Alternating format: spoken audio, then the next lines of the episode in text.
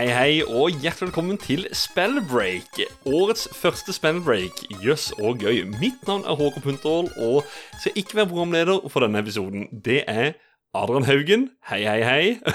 Hallo, hallo. ja vel. Grunnen til at han Håkon presenterer episoden, det er for at jeg kuka det til så mange ganger at jeg ble lei. ja. I dag skal vi snakke om LAN. Det stemmer et andre lite høydepunkt for oss i ung alder, nesten si voksen alder også. Det jeg savner tilbake igjen til det, så det, det, skal bli godt å prate om. Og det her var jo kanskje det største høydepunktet for spesielt de som var PC-interessert og var glad i å spille på PC. For i mm. starten var det ikke så vanlig å spille på internett. Og Nei. de som hadde muligheten til å spille på internett For å si det sånn, hastigheten var ikke noe særlig bra på 90-tallet. Nei, og så var det gjerne en tid også hvor kanskje de spillene folk hadde på PC-en, ikke fungerte på internett av noen filer som lå inni i mappene der, som gjorde at det var ja, krekka og diverse. Sånn som man delte på LAN.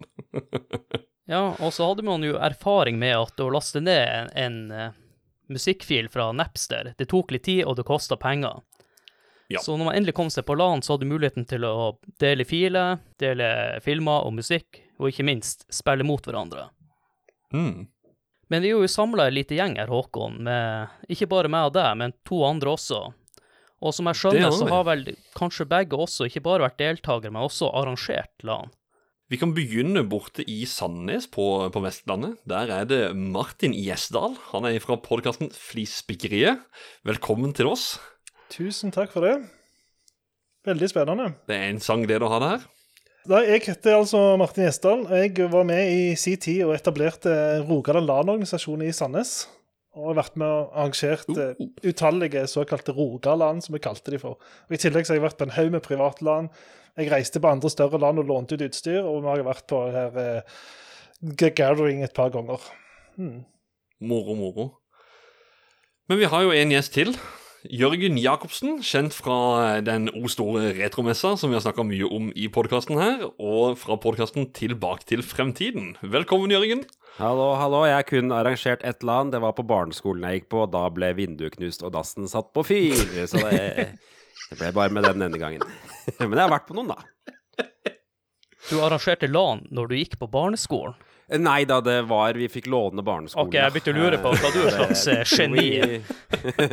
jeg tror eh, vi gikk på videregående, ja. Det var første året på videregående, tror jeg det, det inntraff. Mm. Det hadde vært kult hvis du hadde arrangert LAN med de Tiki-Tiki-PC-ene som skolen hadde, eller Tiki-Taka, jeg vet ikke hva det heter, det gamle Tiki 100? Ja, ja Tiki 100 var det ikke født på 60-tallet, da, så jeg rakk ikke den LAN-perioden. Men nei, det, det, det var vi hadde Nei, men jeg tenker på de skole-PC-ene var jo dødsgamle allerede på 90-tallet. Jeg stemmer. Så når du sa at du arrangerte LAN på barneskolen, så så jeg for meg at du hadde satt et eh, nettverk opp med de gamle drit-PC-ene. Ja, ikke sant. Ja, ikke sant. Jeg kunne, kunne, gjort det. Nei, jeg hadde akkurat fått meg konfirmasjons-PC, da, men jeg skal ja. ikke gå ut utenfor det nå. Ja, Håkon, eh, din LAN-erfaring, da? Og min LAN-erfaring det er vel egentlig å ha arrangert flere sånn Jeg kaller det småland. Ikke, ikke de store mengder, sånn som si, The Gathering og sånne ting. Men eh, vi har hatt noen sånne lokale noen hvor det har vært eh, folk fra andre bydeler som har kommet da, til ene, eller til den ene bydelen for å være med. Så vi, vi har vært oppe i en eh, 40-50 stykk maks, tror jeg. Så en jeg vil, jeg vil tørre å si at jeg var en liten pådriver av disse landene, og var veldig sånn på at eh, ja, vi måtte gjøre sånn, vi måtte ha konkurranse, og vi kunne ikke bare møte opp bare for å møte opp med PC-ene. Vi måtte gjøre noe ekstra moro. Så det, ja, det er min bakgrunn for, for LAN, egentlig. Og min bakgrunn er ganske kort. Jeg har jo ikke vært eh, og arrangert LAN i det hele tatt. Eller det er jo en sannhet med modifikasjoner, fordi at eh, mitt første LAN, det var hjemme hos meg sjøl der jeg og en kompis som jeg hadde satt opp eh, våre PC-er i et nettverk, da, hvor vi spilte Red Alert 2 og Juris Revenge. Men samme høsten så fikk vi inn ADSL hjemme. Så min LAN-karriere varte fra året 2001 til kanskje våren 2003. For det var også det her tidsrommet internett for alvor begynte å bli bra. Eller i hvert fall hastigheten. Din LAN-karriere foregikk utelukkende hjemme hos deg sjøl? Nei, jeg var på mange LAN i den perioden, men jeg hadde en kort LAN-karriere, for å si det sånn. Ja, Hvis jeg går tilbake igjen i bøkene og ser Eller tilbake i boka og, og, og ser Men uh, når jeg tenkte tilbake igjen, da, så var det liksom sånn Det var en fire-femårsperiode, og det var liksom the prime time hvor det var LAN. Det var liksom sånn Ja. Jeg tror det er veldig få som orker mer enn det. Jeg har hørt om veldig få som holder på lenger enn så lenge som det. Så det er ganske vanlig lengde, tror jeg, å holde på med LAN. De er ganske spesielt interessert i de som holder på mye lenger enn det. Mitt, mitt minne er at det foregikk omtrent på, fra midten av ungdomsskolen til det tidspunktet på videregående hvor man oppdaget sprit. Yes. Jepp. Og med de berømte ordene så tror jeg vi tar oss en rask pause, og så skal gå mer i dybden. ah, yeah.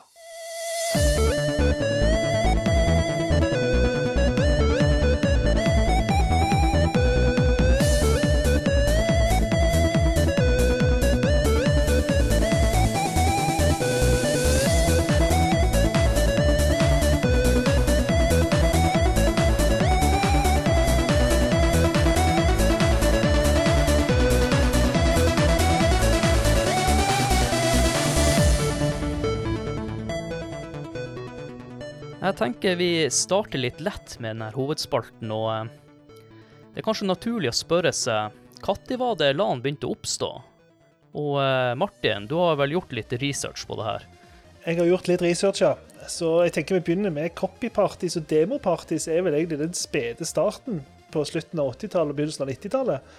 Og jeg tenker Det har vi ikke lyst til å gå inn på nå, for de som vil høre mer om det, kan høre Commodore 64 og Amiga-episodene til spill, der det beskrives ganske greit eh, hvordan de tingene fungerte. Men hvis vi hopper da fram til 1992, så skjer det noe som er veldig viktig for eh, det norske partymiljøet, demopartymiljøet, og det er at The Gathering for første gang blir arrangert i Skedsmohallen. Dette er noe som avisene beskriver som datafrikere i Skedsmohallen. På begynnelsen av 90-tallet var det datafrikere hvis du drev på med data mer enn normalt. Og Det var 1600 deltakere på første forsøk, eh, og det var allerede store parties i resten av Norden, men dette var det første i skikkelige i Norge. Eh, Og Gathering fortsetter i Skedsmohallen neste år, og så var det i Rykkenhallen i Bærum. og Der blir de i avisene beskrevet som å hold dere fast, uskyldig idrettshall blir om til et støyende, hylende, infernalsk science fiction-inferno. Jeg syns jo det høres dødskult ut å være med på. Og i, i 1995 så skjer det jo noe viktig eh, for Gathering. De flytter til Stavanger, og det flopper. Eh, de får 1500 deltakere, er mye mindre enn de hadde tenkt. Og det skyldes jo òg litt at de flytta det til Vestlandet. Og jeg har hørt, men ikke fått bekrefta, at det var en tanke at de skulle flytte rundt i Norge. At det skulle være en sånn greie som var rundt forbi i Norge. Men året etterpå så skjer eh, det viktigste, og det er at de velger Vikingskipet i Hamar som sin nye arena, som da ikke sto i bruk i påsken av en annen grunn. Og første gangen det blir eh, i Vikingskipet, i 1996, da, da er det 2500 deltakere, og allerede året etterpå, i 1997, så er det 3300 utsolgt. og År etter år etterpå så har de utvida litt og litt, og de har alltid vært utsolgt. Så det har blitt en sånn gjev ting å få være med på etter hvert. Og Her kom det folk fra hele landet og deltok, og mange reiste hjem med stjerner i øynene og tenkte dette må vi få til hjemme. Det er ikke nok eh, det er så langt å reise, eller det er ikke nok med en gang i året. Eh, Og det er jo iallfall vi. Vi var en liten gjeng med nerder i Sandnes. Vi var jo, vi var jo så inspirert når vi kom hjem fra, eh, fra The Gathering i 1997 at vi kjørte på og tenkte at dette har vi lyst til å gjøre. Og jeg tenker at Når vi snakker om LAN, så er det veldig viktig at LAN er ja, det har med nettverk å gjøre, men for meg så er det òg den lokale vrien. Du kan tenke deg grendehus, gymsaler, bedehus, skoler, kjellere, alt mulig ble brukt til LAN i en periode over hele landet. Så det ble plutselig en allmennting, en brei ting, og ikke bare en sånn smale nerdeting. Og da mener jeg det er fire faktorer som vi må tenke, som vi må tenke det er en sånn stille revolusjon som skjedde, skjedde akkurat på den tida der. Prisen på hjemme-PC sneik seg ned til at folk faktisk hadde greie OK spille-PC hjemme. Nettverkskort ble allemannseie, både Coax og TP. Mange hadde begge deler. Eh, og det ble sosiale møterom på nett. Våre LAN var jo en forlengelse, en, real life-forlengelse av eh, IRC-kanalen vår i Sandnes, på EFNett.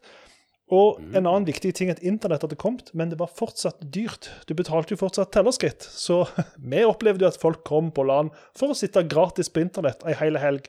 Og hva gjorde de? De satt jo på IRC ei hel helg og snakket med de folka, andre folka som var på samme LAN ei hel helg. Så det var bare en sånn liten intro til sånn jeg i hvert fall tenker rundt LAN, og hvorfor det på en måte eksploderte litt mot slutten av, eh, av 90-tallet. Men denne at det finnes eh, På YouTube blant annet så ligger det video fra en av de første gatheringene. Jeg lurer på om det er den i Rykkenhallen. Det er, en, det er en helt merkelig tidsreise tilbake til en helt annen er verden. Hvor eh, folk har grupper de samles i, og svære bannere med logoer på veggene, og eh, sitter og nikopierer disketter inne på Commodoren. Og det var jo uh, parallelleg, for dette, de var jo ikke på nett med hverandre. Det var jo først i eh, 96 kanskje at de var på et nettverk, og da var det jo alt gikk på coax, så det gikk dødsseint. Så på noen land så var det sånn at du avtalte kanskje da ror vi ned kopieringen, for da skal vi spille. For det, alle, alt gikk gjennom alt. Så, så det, og jeg tenker, jeg vil også anbefale folk også, å, å gå på YouTube og sjekke dokumentaren om The Gathering 1997. Der er det dokumentert ganske mye, filma mye fra alle fem dagene. Så det er òg litt kul tidsreise. Ja. Og The Gathering det brukte vel å være i påska, hvis jeg ikke tar helt feil. For jeg husker det alltid var noe fra nyhetene. Det er fortsatt i påska. Nå har det ikke vært noen par år pga. covid og sånne ting, da. Men eh, ja, det er i påska, ja. Ja, stemmer det. Nei, Jeg bare husker at det alltid var TV-innslag fra The Gathering i påska på TV2 på slutten av 90-tallet. Stemmer Ja, jeg var der sjøl i eh, 2008 og 2009. Det var jo eh, hele ti år etter, men, eh, men ja. det, var, det var stort, det var gøy. The, The Gathering er jo notorisk for å vare i fem dager, som er kanskje litt uvanlig for de fleste sånne LAN-parties, som gjerne varer over helgen, ikke sant. Eh, så det er jo derfor de har valgt påsken, da, fordi du vet at folk har ferie i fem dager. Og det er forutsigbart hva tid det er. Mm. Vi diskuterte jo litt i forkant, Jørgen, eh, hvordan vi skulle legge opp denne episoden, og du kom med et interessant spørsmål. Hvordan eh, vil vi definere at et LAN er? Ja, det er jo den, den åpenbare definisjonen som er at det det er, det er fra local area network, da, som betyr at man, eh, som, som Martin sier, at man skal sitte sammen på samme sted. Det skal være et lokalt nettverk. Men eh, jeg, må jo bare nevne det, i Porsgrunn så eh, eksisterte ikke begrepet LAN. Da kalte vi det dataparty. Eh, som betyr at det, det var dataer, og så skulle vi ha et party.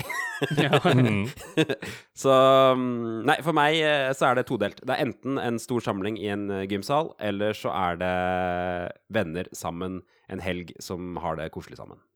For meg så var la- la- LAN-party en sånn pur- potpurri av gaming, kreativt, konkurranse, kopiering, mye musikk og mye lys. Det var døgning, og det var herjing og anything in between, altså. Mm. Og det, for meg så er det der bobla er det viktigste. Du går inn i ei boble, og så blir du værende der mens LAN er der. Og alle forstyrrelser Hver gang du går ut og gjør noe annet, så er du ute av bobla. Så for meg så var LAN alltid gå inn i ei boble og være inni den deilige bobla et par dager, og så bare liksom la alt utenfor drite i alt annet, og være inni bobla. Det var LAN for meg.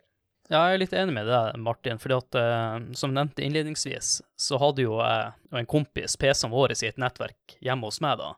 Men jeg anså ikke det som å være et LAN. Å dra på LAN, da dro du jo med noe Gorbis i Rema-nettet ditt og, og, ja, og annen proviant, og så skulle sette deg hos en kompis eller inne i en gymsal eller inne på en skole, da. Og Mm. bli værende der. Og hvis du var skikkelig hardcore, som jeg alltid prøvde på, og tror jeg klarte det noen ganger, så klarte du å holde deg fra mandag til søndag. Når du ble henta ja, og ble av fa faderen for å da være ferdig på landet. Rart. Hvor, hvor er det blitt av Gorbis? Hvor er, hvor er Gorbis? Er det fortsatt til salgs? For det mener jeg at det var ganske populært uh, i lange perioder. Det fins i butikken, det. og det ser ikke godt ut. Jeg pussa jo opp kjøkkenet nå i høst, og dietten min besto litt av Gorbis. Mm. Og den var litt mer Ja, den var bedre enn det jeg huska. for når jeg var på LAN, så klarte jeg alltid Gorbisene mine å tine. Så på lørdagen så hadde jeg ikke så jævla lyst på den eh, slappe Gorbisen som jeg så skulle njuke i mikroen. Ja. Jeg må innrømme at de pensa over på Hold It etter hvert. Jeg Yes, tror de hadde en å eh, si. bedre markedsføringskampanje enn Gorbis, så vi, vi falt for den alle sammen. Og de kom i firepakning. De kom i den blå, i blå pakke. Det var, ikke de, det var ingen andre smaker enn en den blå, som var da med skinke og ost. Som da kom i firepakning. Eh, Når jeg tenker meg om, så um, tror jeg egentlig livnærte meg mest på potetgull på lørdagen og søndagen. Den eh, Gorbisen han varte bare på fredagskveld. Altså, jeg tror det er en myte, det, for alle snakker om det Grandiosa og Cola på land, men det var jo veldig få som hadde Grandiosa, for det var jo rett og slett ikke en ovn til å steike Grandiosa. Ja, alltid, og hvis det var, så er jo, det tar jo et 20 minutter per Grandiosa, 15-20 minutter per Grandiosa. Du hadde liksom ikke skal skalerbarheten til å ta alle deltakerne. Da er Gorbis Mm. genialt. Vi hadde en eh, ovn på LAN på det ene bomberommet som vi pleide å være på, og eh, der var det en pizzaovn. Det var en butikk rett ut forbi, og det var aldri ei pizzahjul eller kniv, så vi brukte saks til å klippe opp den pizzaen. Det var, så ble det sånn greie. Nei, du tok ikke med verken kniv eller pizzahjul. Du skulle klippe den pizzaen. I, I landet i Porsgrunn, de som var offisielle arrangerte gymsaler, der var det en egen person som var den dedikerte pizzabakeren. Og han drev en slags liten pizzarestaurant inne på hvert eneste land. Og litt av gimmicken hans var at du kunne ikke velge hvordan du ville ha pizzaen din skåret opp. Det la han til som en liten snert. Så det var liksom overraskelsen, hvordan du fikk pizzaen din levert og skåret opp. Kanskje det var det strimler, kanskje var det trekanter, kanskje var det firkanter. Kanskje var det bare delt i to. Ja, Det fikk man aldri vite før man eh, fikk pizzaen. Nei. Det er jo interessant du sier det, Jørgen, for nå kom jeg på at det brukte å være kiosk også, på i hvert fall de lanene jeg var på. Da hadde jeg glemt helt av før du sa det nå. Og da kunne man få kjøpt seg et stykke Grandiosa, så jeg tror faktisk ikke jeg er livnært med potetgull likevel på lørdag og søndag. Jeg tror det også blir litt Grandiosa, og kanskje det er der Grandiosaen kommer inn i bildet. Mm, og stemmer det ofte en energidrikk som ikke var til salgs noe annet sted, sånn som Balls Guarana, som eh, for eksempel, som var en blå for liten flaske. Jeg vet ikke, i 2001 uh, seltes det energidrikk da? Eller var det akkurat kommet i butikkene? Ja, det selgtes. Jeg tror det var da Battery begynte å dukke opp eh, etter hvert. Mm. Ja, det var battery. I 2090 tror jeg vi hadde battery til og med. Så, så det var Mm. vanlig allerede da. Det var, jo, det var jo Red Bull da som var forbudt og ulovlig, som alle prøvde å få tak i. da. Måtte over til Sverige for å, for å handle det. Stemmer det. Og jeg, på The Gathering så var det heller ikke så kjempebra matutvalg alltid. Jeg spiste sinnssykt mye sånne små bagetter. Ble drittlei og har ikke spist det siden. Ør. Stemmer, jeg husker jeg også. Men det var en sånn dårlig pizzarestaurant oppe i andre etasjen der, mener jeg husker på The Gathering. Så det var ikke så mye bra mat på The Gathering. Det, hør, det høres litt nitrist ut, så kanskje jeg er glad for at jeg ikke var, har vært der. Ja, men de har nok blitt bedre på innhold. Ja, det er to ting som ikke var bra. Det var mat og sovefasiliteter. Eh, uten at vi skal gå kanskje nærmere inn på det. Jo, det har jeg lyst til å gå eh, nærmere inn på, fordi at eh, det høres jo her ganske rart ut, men når jeg satt på dass i dag, og hvis du sitter litt for lenge på dass, så sovner jo føttene av. Mm. Jeg var jo en kar som uh, skulle holde plassen min til the bitter end. Det var en gang vi ikke klarte det, men stort sett så sovna jeg av med PC-en, og så sov du jo kanskje i ja, fem timer. Så jeg er ganske sikker på at du kunne amputert beina mine uten at jeg har lagt merke til det. For jeg husker når man våkna etterpå, det var jo helt jævlig å prøve å få rørt på føttene igjen. Ja, for det, det som er regelen på The Gathering, for de som ikke har vært der, er at uh, det er ikke lov å sove under bordet sitt på The Gathering. Det er sikkerhetsregler på, så hvis du gjør det, så kommer det sånn vakter rundt og sjekker det, og vekker deg. Så de stedene du har lov til å sove, er enten en sånn sovesal eller på tribunen. Og begge de to stedene har betonggulv. Så eh, hvis du ikke har et liggeunderlag, da har du en dårlig natt foran deg. Og det jeg husker fra året to, 2008, så hadde de jo sånn Den ene sovedelen var jo oppe på det ene hjørnet av, av Vikingskipet. Og da var det sånn at eh, for at det skulle være plass til alle, så tok de en sånn liten sånn Kall det, et ryddesjau, da. Sånn at når folk da hadde stått opp, så så de gjerne sånn OK, han ligger litt der, han ligger litt der. Ja, men her kan vi egentlig ha plass til tre til. Så de dro gjerne madrassen de lå på, og drev og rydda opp i mennesker. De sier det faktisk på det ene, på det ene klippet som du kan finne på YouTube om da The Gathering 2008, når de da viser rundt åssen det er i hallen. Så sier de at eh, ja, flytter vi rundt på de når de, når de våkner litt og litt, og så for å lage plass til flere. Det er et praktisk ubesvær, syns jeg. For dette, det vi sleit med, Vi var jo fem som reiste, f.eks. Og så ville jo alle Altså, eh, den tida fra fire, til fire på natta til tolv på dagen er det jo ingen som har lyst til å være jo- Alle har jo lyst til å sove da, for da er du litt bikka, liksom. At det er liksom, nå er det ikke så kjekt lenger. Da, da, dabber litt av. Du er jækla trøtt. OK, så er vi fem mann, alle vil sove samtidig, men alle er jo like paranoide med ting som blir stjålet. Det var jo det som var det store aberet med å måtte sove på tribunen, er jo at alle går vekk fra utstyret. Så det må jo alltid Som en sånn vaktordning, da. Skikkelig dust at vi måtte ha. Eh, Så må liksom ha et sånn vaktskjema da, med hvem som skulle sitte og og passe på utstyret. Den personen hadde jo alltid sovna når vi kom tilbake, selvfølgelig. Så det var jo ikke vits i, men da var det iallfall noen der, da. Så det, det var faktisk eh, ganske dritt med TG. Det er faktisk noe jeg har glemt, det der, men det stemmer. Vi, vi sov litt sånn delvis på skift. Vi gjorde det, men vi var jo en hel gjeng på jeg tror vi var 10-15 stykker eller noe som dro på, så det var liksom ikke noe problem. Men det var veldig den der at du forlater ikke plassen uh, uten at det er folk her borte. At uh, OK, nå, nå er liksom alle 10-15 vekk. Ja ja, da blir jeg bare sittende da, til de kommer tilbake igjen. Så Det er forskjell på gathering og små land. At små land så kunne de i større grad stole på folk, mens på gathering der var det all slags folk. Nei, siden vi sitter et gjeng her med Ja, det er litt eh, aldersforskjeller mellom oss. Så jeg er litt interessert i å høre hvordan var det i starten, Martin? Jeg regner med at du var den første mann ut, ut av oss som dro på LAN. og Hvordan årstall var det, og hvordan var det? Ja, nei, altså, jeg, eh, mitt, min, min første LAN-opplevelse var jo da vi linka PC-er sammen med seriellkabel og spilte Doom mot hverandre. Jeg, glemmer jo eh, aldri det, det kicket vi fikk liksom, klokka to på natta da vi endelig fikk til dette dritten. Da vi bytta tre kabler da, fordi de var ødelagte kabler.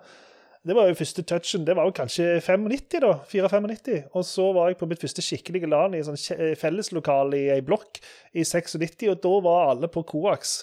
Og det er noe dritt, altså. Uh, alle var lenka sammen. Det er det verste. Er... Ja, det, det, er så dritt. Det er uendelig dritt. Uh, du kan jo kjøre 100 meter med koaks med, med signal, men, men, når 15 stykker får kobla opp med terminator og Hvis du ikke terminerer det, så er det jo uh, latency-problemer på det.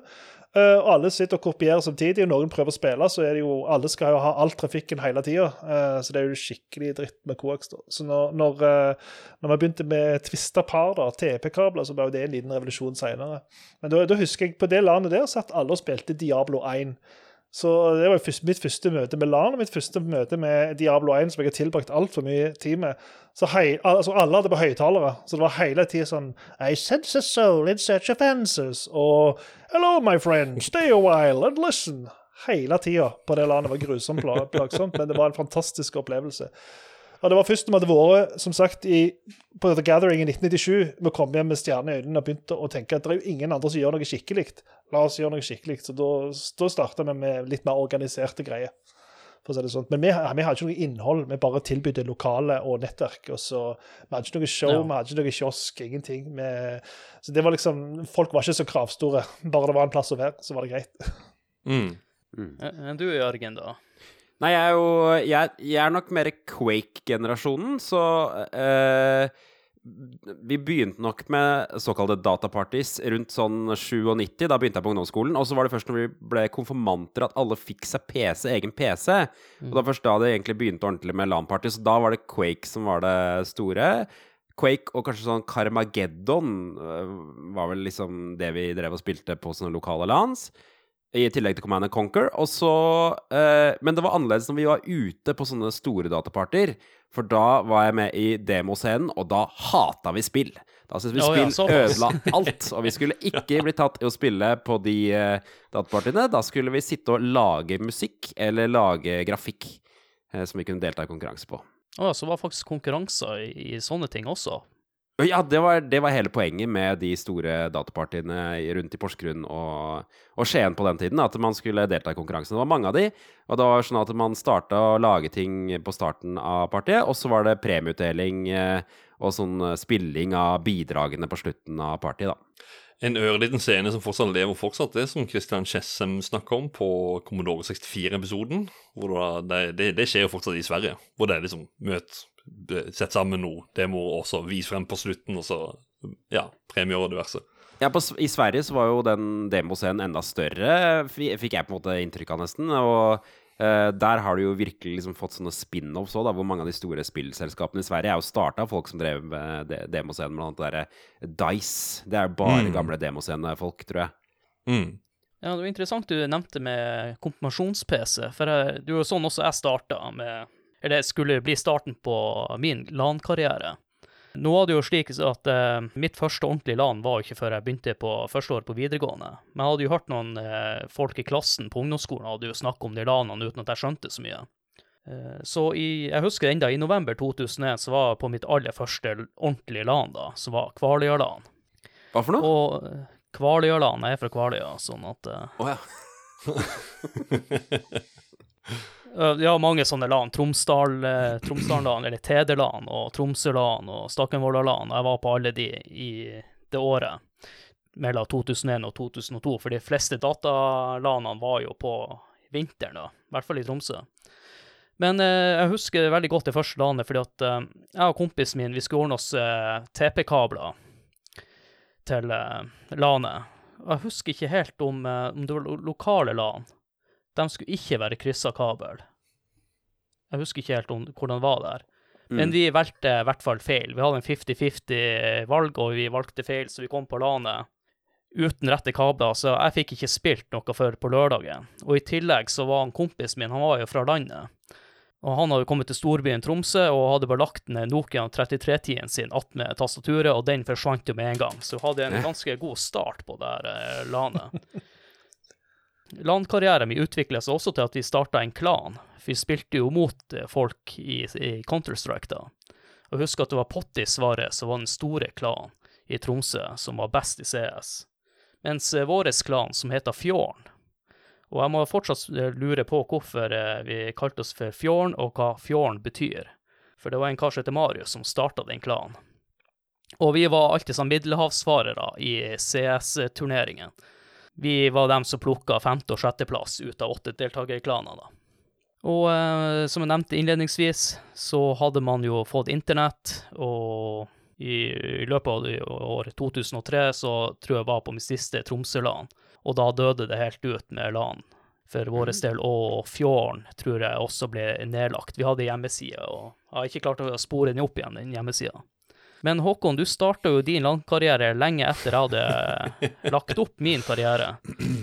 Ja, nå har jo dere så, så nevnt eh, liksom 97-98, og dere hadde lørdagskveldene. Da satt jeg liksom hjemme med, med posen med TV-godt og satt og så på Familiesagaen De syv søstre og anna dritt-TV.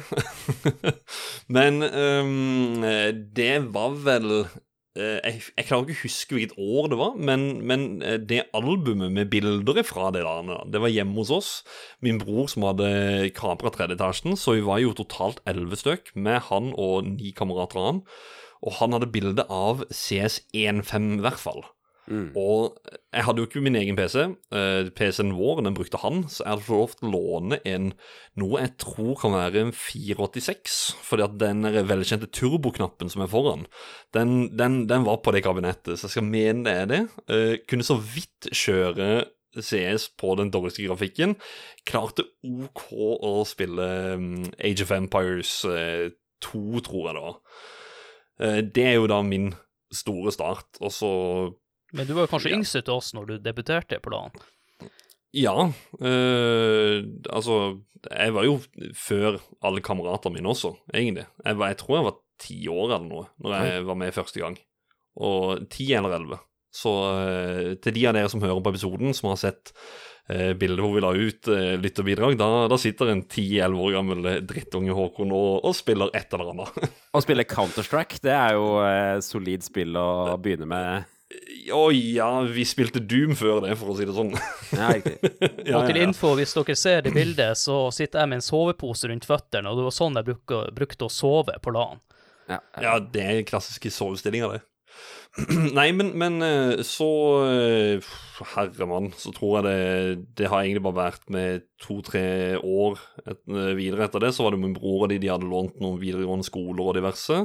Eh, og eh, hatt noe LAN der. Så kom jeg jo innom der på ettermiddag kveld og kunne få lov til å være med og spille bitte grann.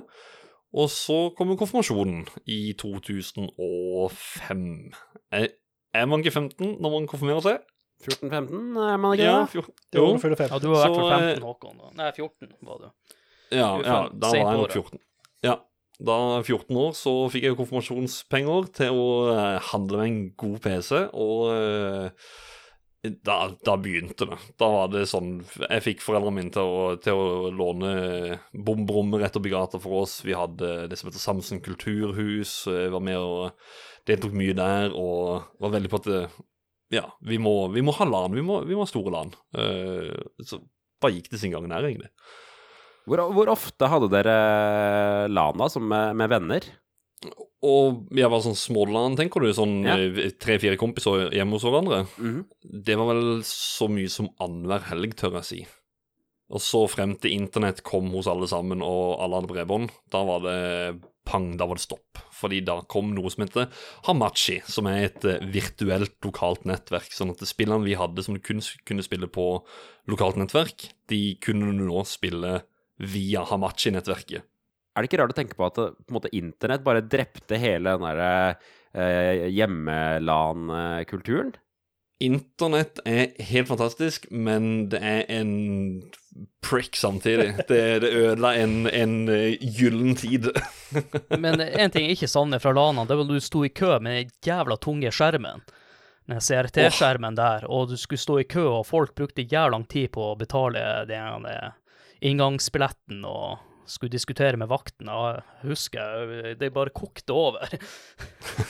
Det er jeg også mindre om, i hvert fall fra, fra The Gathering, ja, hvor folk det, det som var triks der, var enten å ha en tralle eller å ha med seg kontorstol, sånn at man kunne trille på kontorstolen. Ja, det, det var jo sånn sekketralle der, husker jeg. og det var sånn, Fikk du tak i ei sekketralle, så ikke slipp den før alle du kjenner har Nei. fått kjørt inn stemmer. eh, alt av utstyr. og Det var mye utstyr. Det var tungt. Så jeg forstår jo for, så- for så vidt, når, det, når en internett kommer, at folk ikke gidder å drasse fram og tilbake på det der utstyret. Hadde det bare vært en laptop, så hadde det vært noe annet. Men det var det sinnssykt mye utstyr. altså. Ja, for det var ingen som hadde laptop, mener jeg husker. Nei, nei, nei. Det var Nei, jeg har hatt en crappy laptop en gang i tida og brukte en bitte, bitte grann på LAN, men det, det, var, det var ikke noe høydere det, for å si det sånn. Men Håkon, det er jo litt forskjell på en laptop i 2007 og i 1997. Mm, ja, det kan diskuteres. Nei, det kan ikke diskuteres. det var ikke normalt med laptop. Nei, nei, nei, for så vidt ikke. For så vidt ikke. Det er faktisk det er ganske laptop bullcrap. var mer standard i 2007, tenker på, enn i 97, for vanlige folk. Det, det var sånn tekstbehandlingslaptoper. Det var det. Altså, det var helt sånn basic eh, ting du kunne gjøre med den. Men du kom fortsatt ikke på LAN med laptoper. Det var liksom sånn, Vi hadde sånn ground rule uansett, selv om at du kunne spille på dem. Du kom ikke på LAN med laptop. Det var liksom sånn Du ser alle de svære eh, kasseskjermene, og så var det jo selvfølgelig noen som hadde fått disse LCD-skjermene. Og så kommer en med en liten laptop. Det var sånn Bare Nei, du har ikke, nei, du har ikke noe her å gjøre. Beklager. Jeg husker eh, på, på TG 2000, så da, det var jo litt sånn at man gikk rundt og kikka på hva slags PC-er andre folk hadde. Da husker jeg vi kom forbi noen som hadde med seg en 15-tommer LCD-skjerm. Altså, Den var så liten at du ville ikke tro det, men da husker jeg vi tenkte herregud, for noe bortskjemte barn som sitter her med fått lov til å ha med en kjempedyr skjerm. Du, Jørgen, var dere sånn emo-kids som hang i lag? Dere hørtes ut som sånn Vi Jeg tror, jeg, jeg tror ikke EMO ingen, spill, eksisterte. ingen spilling og Vi var veldig strenge, og vi kalte gamere kalte vi for lamers. Yes. Altså, jeg må bare si, jeg husker hvilken tid det snudde på TG. For dette, når jeg var på TG i 97, så var det en demo der det var liksom, slutten av demoen var 'Gamer Lamers', sto der på skjermen. Alle, alle sammen jubla. Mens neste år etterpå så var det tona ned, og de hadde begynt, de hadde i den ene enden av salen så hadde de en sånn gamingplass hvor folk kunne spille gamingkonkurranse. Det første gang hadde gamingkonkurranser, tror jeg. Så det, det, det bikka rundt da at det ble mer gamere på TG enn det var demo, kreative folk da. De hadde jo fortsatt de har jo Mm. konkurranse ennå, kreative, men det var jo minka betydelig de åra etterpå der. altså. Hvor mange, Det begynte å bli veldig smalt og få, få som deltok på disse kreative. Så det tror jeg skjedde, skiftet skjedde rundt da. altså. Ja, da endret de også uh, sånn at uh, hvis du skulle der og delta i demokonkurranser, så fikk du et eget område du kunne Ja. sitte på, med litt sånn dårligere internett. Og, Men det var rabattert pris, Ja, da. men de, de, de kjekkeste konkurransene var jo f.eks. Eh, vi som holdt på med musikk, da. Når du fikk utlevert en modfil i starten av sant? Og det var, For da brukte du partyet på å backe den musikken der. For veldig mange hadde jo med seg ferdige demoer eller med seg ferdig musikk. Men når du fikk det utlevert i starten, så kunne du ikke det. og Det, er jo det som er kjekt med sånn demopartys, er jo når du gjør det mens du er der. Så Ja, det var, var jo av og til oppgave hvor man fikk, hvor man liksom skulle, fikk utdelt noe Ja. på starten av party som man skulle gjøre om til en, en ting Yes. på slutten. Det var de beste konkurransene. Det var jo da de verste bidragene kom, som regel. Ja. Uh, ja. jeg, jeg liker at jeg kjenner meg ikke igjen i noe ut av det dere snakker om, for alt handler om å konkurrere i CS og redde Jeg løp. kjenner, jeg kjenner meg igjen, faktisk, fordi at eh, jeg husker at i eh, Det var ja, i Vikingskipet, The Gathering 2008. Da, da husker jeg at det var jo kreative hjørne. Og, og det, det, det var folk som satt der. Jeg, jeg skjønte ikke damn shit av det, men jeg alltid vært fascinert av, av demoer og sånne ting. Men uh, det er en annen episode, forresten. Jeg bare si en, eh, en viktig ting når du nevner Quake, eh, Jørgen. For det, jeg tror Quake nesten egenhåndig holdt oppe mange av disse landene. Uh, For det var det eneste vi spilte i lange perioder. Det var liksom det mest tilgjengelige spillet. Det var det enkle. Det var lagd for deathmatch, det var lagt for én til én, det var lagt for mange mot mange. Det var, altså, det var, det var, det var, og alle spilte det på den tida. Og vi hadde liksom nettopp funnet ut at det går an å spille sånne spill med mus. Og det så jeg jo på den Mm. der Gathering-filmen fra 97. Han ene fyren som de filma som satt spilte Quake, han spilte jo fortsatt med tastatur. Eh, Og Quake, gjorde Quake var jo default var, satt eh, opp med tastatur. Så når, skal du bruke Mm. mus i tillegg, så måtte du gå inn og endre på, konfigurere alle kontrollerne for å gjøre det. Og det var da det, det skiftet kom rundt i starten av Quake, når folk begynte å finne ut det, det begynte å spre seg. Så begynte de å spille first person Mm. shooting ups med mus, da. Ja, Det var på en måte to ting som endra det. Det var at du, Plutselig så kunne folk styre med mus, og så var det at noen falt ut av sånn rocket jump, hvis dere Oh husker yes. det. Som uh, var at man eh, hadde rakettkasteren og kikket ned i bakken mens man skøyt og hoppa. Hvordan man kunne liksom hoppe over tvers over skjermen. De som mestret det, var jo selvfølgelig uslåelige på et periode. DM6 er det beste til det. Jeg nevnte jo at de spilte mye CS, men nå kommer jeg på at de spilte jo også en god del Quake 3 Arena. Ja.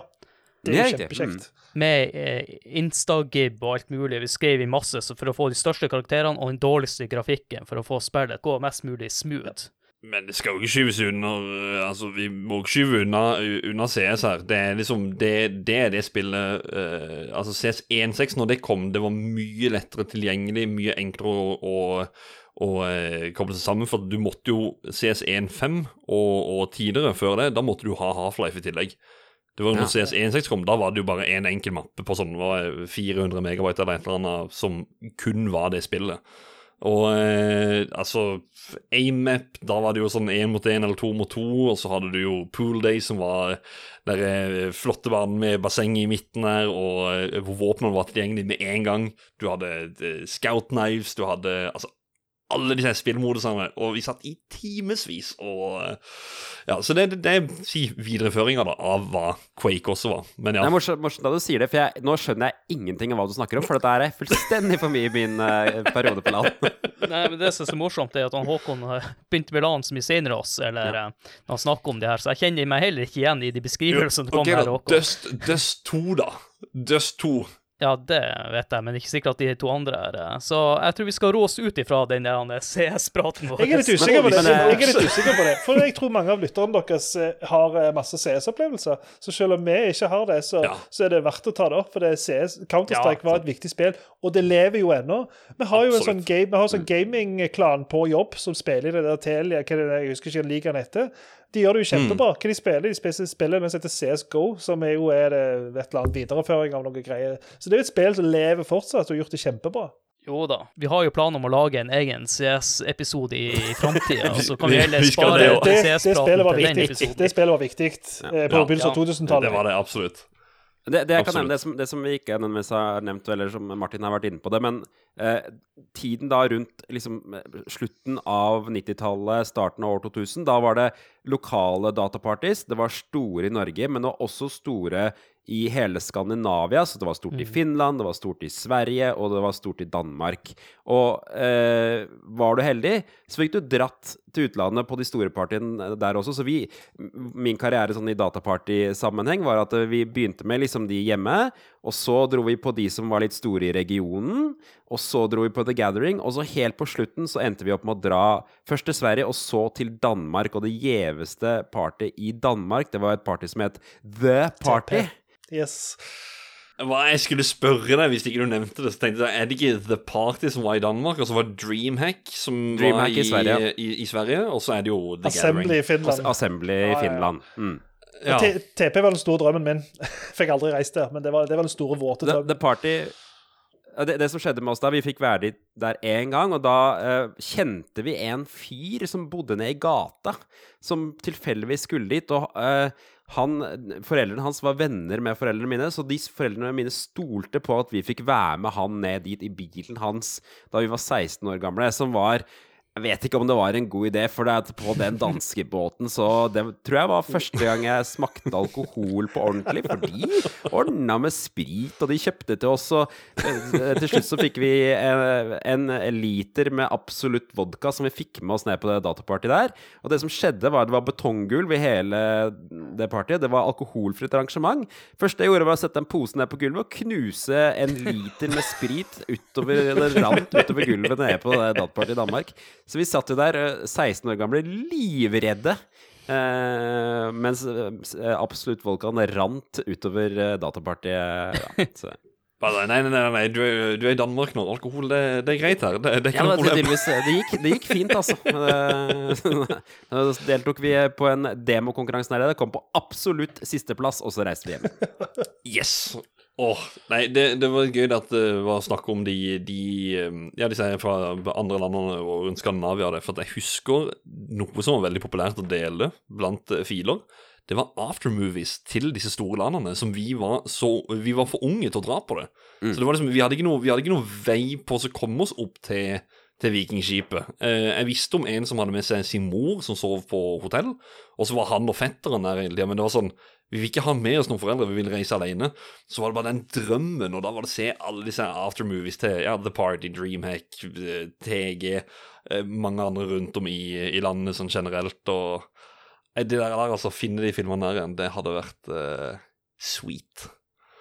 Ja, har dere noen spesielle minner til når dere var på LAN, eller episoder noe som dere har lyst til å dele? Har en liste på 100 pluss her. Nei da. Eh, Ja, det er jo kanskje kan sitte her til i morgen og prate om det. Jørgen hadde jo gode historier, men jeg kan jo dra fram eh, to, da. Jeg nevnte jo i stad at det var en gang vi ikke sov hjemme. Og det skjedde egentlig med et uhell, for vi skulle bare hjem og hente noe utstyr, jeg og en kompis til Øystein. Nå var det jo sånn at han brukte jo å være en god del hos meg, for de hadde jo PC-en vår i nettverk. Så han overnatta jo stort sett hele første året på videregående hos meg. Men vi skulle bare hjem og hente litt proviant og litt andre ting. Og så sovna vi av. Jeg tror vi sov i åtte timer før faderen spurte skal ikke dere eh, dra tilbake snart. Det var den ene. Og den andre eh, Det er ikke et minne jeg har, men alle som var rundt meg. fordi at eh, i 2002 så begynte det å bli også normalt med trådløs mus og tastatur. Og så var det jo sånn også at man merkelig nok delte passordet sitt til PC-en sin. Det var noen som hadde overført en, eh, en pornofilm til min PC, og jeg hadde jo sovna av. Og slått på denne filmen mens jeg lå og sov foran. Det var mye snakk om det i ettertid uten at jeg skjønte noe som helst. Eller jeg skjønte jo det når jeg våkna og så at, eh, hva som var på skjermen min. Men de hadde jo også gjemt tastaturet og musa mi, så det var jo et helvete å finne fram til det. Altså, jeg, jeg, jeg bare husker veldig godt at eh, dette var jo helt i starten, og eh, Windows 95 og Windows 98 disse tingene her, du kunne dele du kunne lage en folder da, hvor du delte, eh, hvor folk kunne laste opp, du, sånn, du brukte, så du brukte på nettverket. Mm. Eh, og de som ikke hadde satt opp riktig, kunne da risikere at andre fikk full tilgang til alt av mappe på hele PC-en. Yep. Eh, så liksom det var, de hackerne som hadde litt peiling, de var jo noen av de var litt slemme for å si det sånn, til å slette masse ting som de ikke burde slette. Så spesielt på disse her folka som ikke hadde peiling, som bare kom på LAN for å ha det kjekt. Det var litt sånn dumt, da.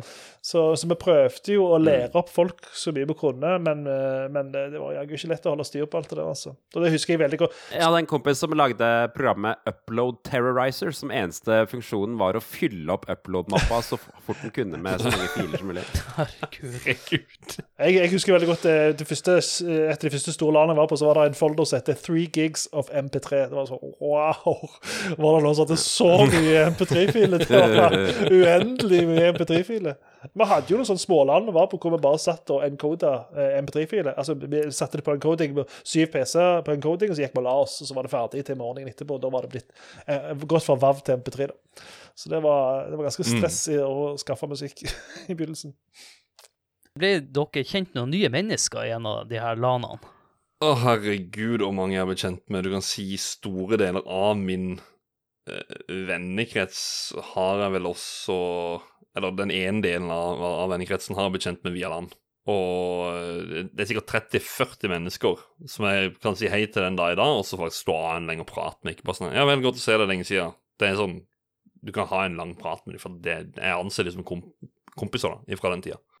For, for meg så handla det mer om, som Martin snakka om, det med at man traff folk man kjente fra IRC. Og det okay. var i, i Porsgrunn så var det jo Undernett man brukte, og det var en, eh, da hadde man kanaler for de forskjellige byene. Uh, I tillegg til I, i, i Grenland, da, i, i Telemark. I tillegg til noen sånne felleskanaler. Og der var det jo Sånn det funka på den tiden, var at du, du var der, men du var også medlem av grupper.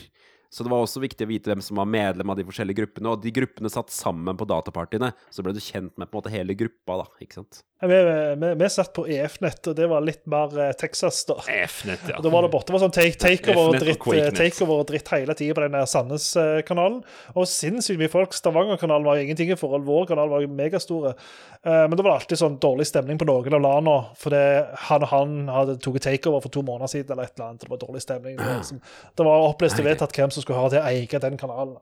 full pakke, Men det var ganske gøy. da. Vi brukte kun IRC til å inn og finne uh, det som heter eh, PCV i, i Counter-Strike. Da var det Private, eh, Private Clan War som var greia. Da var det IRC å gå inn på kanalene 2V2, 3V3 eller 5V5, og så var det å skrive da 5V5, og så server off, og så Ja, så spilte vi mot folk. Det var liksom det vi brukte IRC til, da.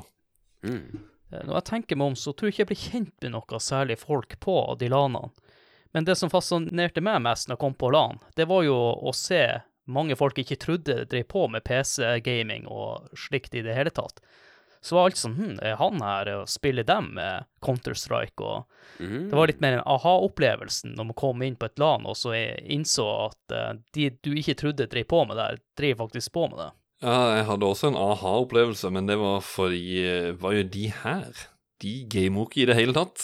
Og ja, stemmer det. Ja, vi har kommet til en tid hvor det var liksom alkoholen var kanskje store trekkplasteret til å dra på LAN, for da kunne man Da kunne folk drikke og, og alt, og det var jo ikke helt det vi var fans av. Så det Ja, det, det husker jeg det var en periode hvor, eh, hvor de fleste land var jo alkoholfrie, men det dukket alltid opp noen som hadde liksom bikka over til å være på fester, som kanskje dukka opp på Mm. landet sånn utpå kvelden, og gjerne hadde med seg en, en dame og sånne ting, som var helt liksom, Ja, stemmer det. jævla, lame, jæ- jæ- jævla lamers.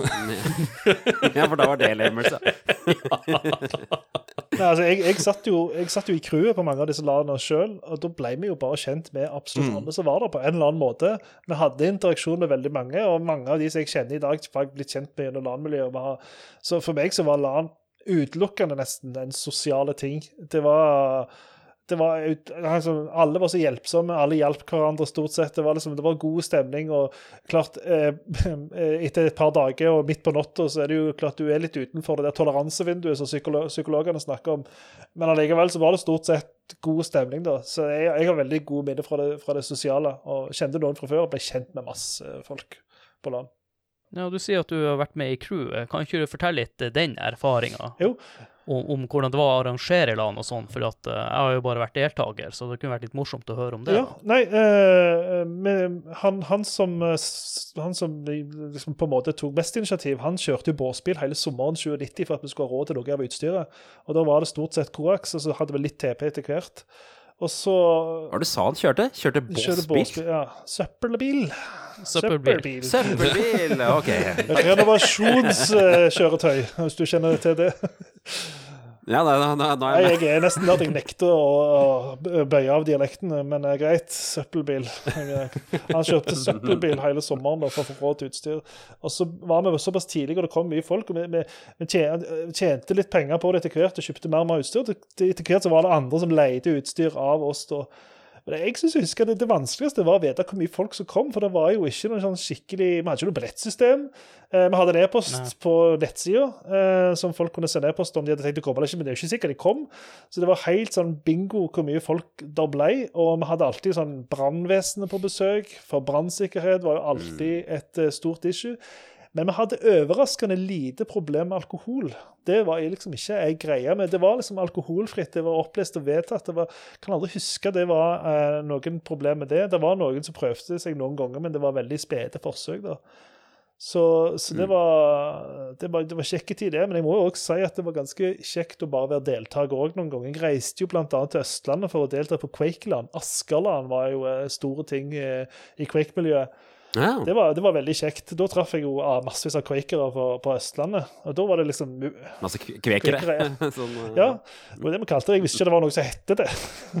sånn at det var et uttrykk. Men da, da, da fikk jeg lov til å være deltaker på et LAN og bare køkse liksom, og slappe av og ikke bekymre meg for om ting ble ødelagt eller om det var noen på vakt og, og sånne ting som det. Så det var alltid kjipt når LAN var slutt. Det er jo kjipt å være deltaker. Du er trøtt og skal hjem og rydde. Men vi hadde jo i tillegg et svært lokale som skulle eh, vaskes og rengjøres og sånn, så det var jo kjempetrøtte hele gjengen, da. Så um, Det, det jeg husker som en sånn eh, slitsom ting, var å skaffe eh, eh, sponplater Ja. og eh, sånne paller. For at man måtte jo Mm. Det var liksom spesielle regler for hvordan de datapartybordene skulle være. Ja. Stemmer det. Vi, vi, vi var stort sett på plasser hvor det var mye bord fra før, så vi fikk brukt mye eksisterende infrastruktur, for å si det sånn. Ja, Riktig. Ja, i, I Porsgrunn så var det en spesiell estetikk eh, som man skulle ha når man hadde dataparty, og det var Da var det altså sponplater, masse sponplater som spi, ble spikra sammen med, med paller, altså på høytstående paller. Jeg holdt på å si stammer det kanskje rett ifra TG, for det er vel den standarden de fortsatt kjører, eh, vil jeg tro. Eh, De gjorde i hvert fall det før. Ja.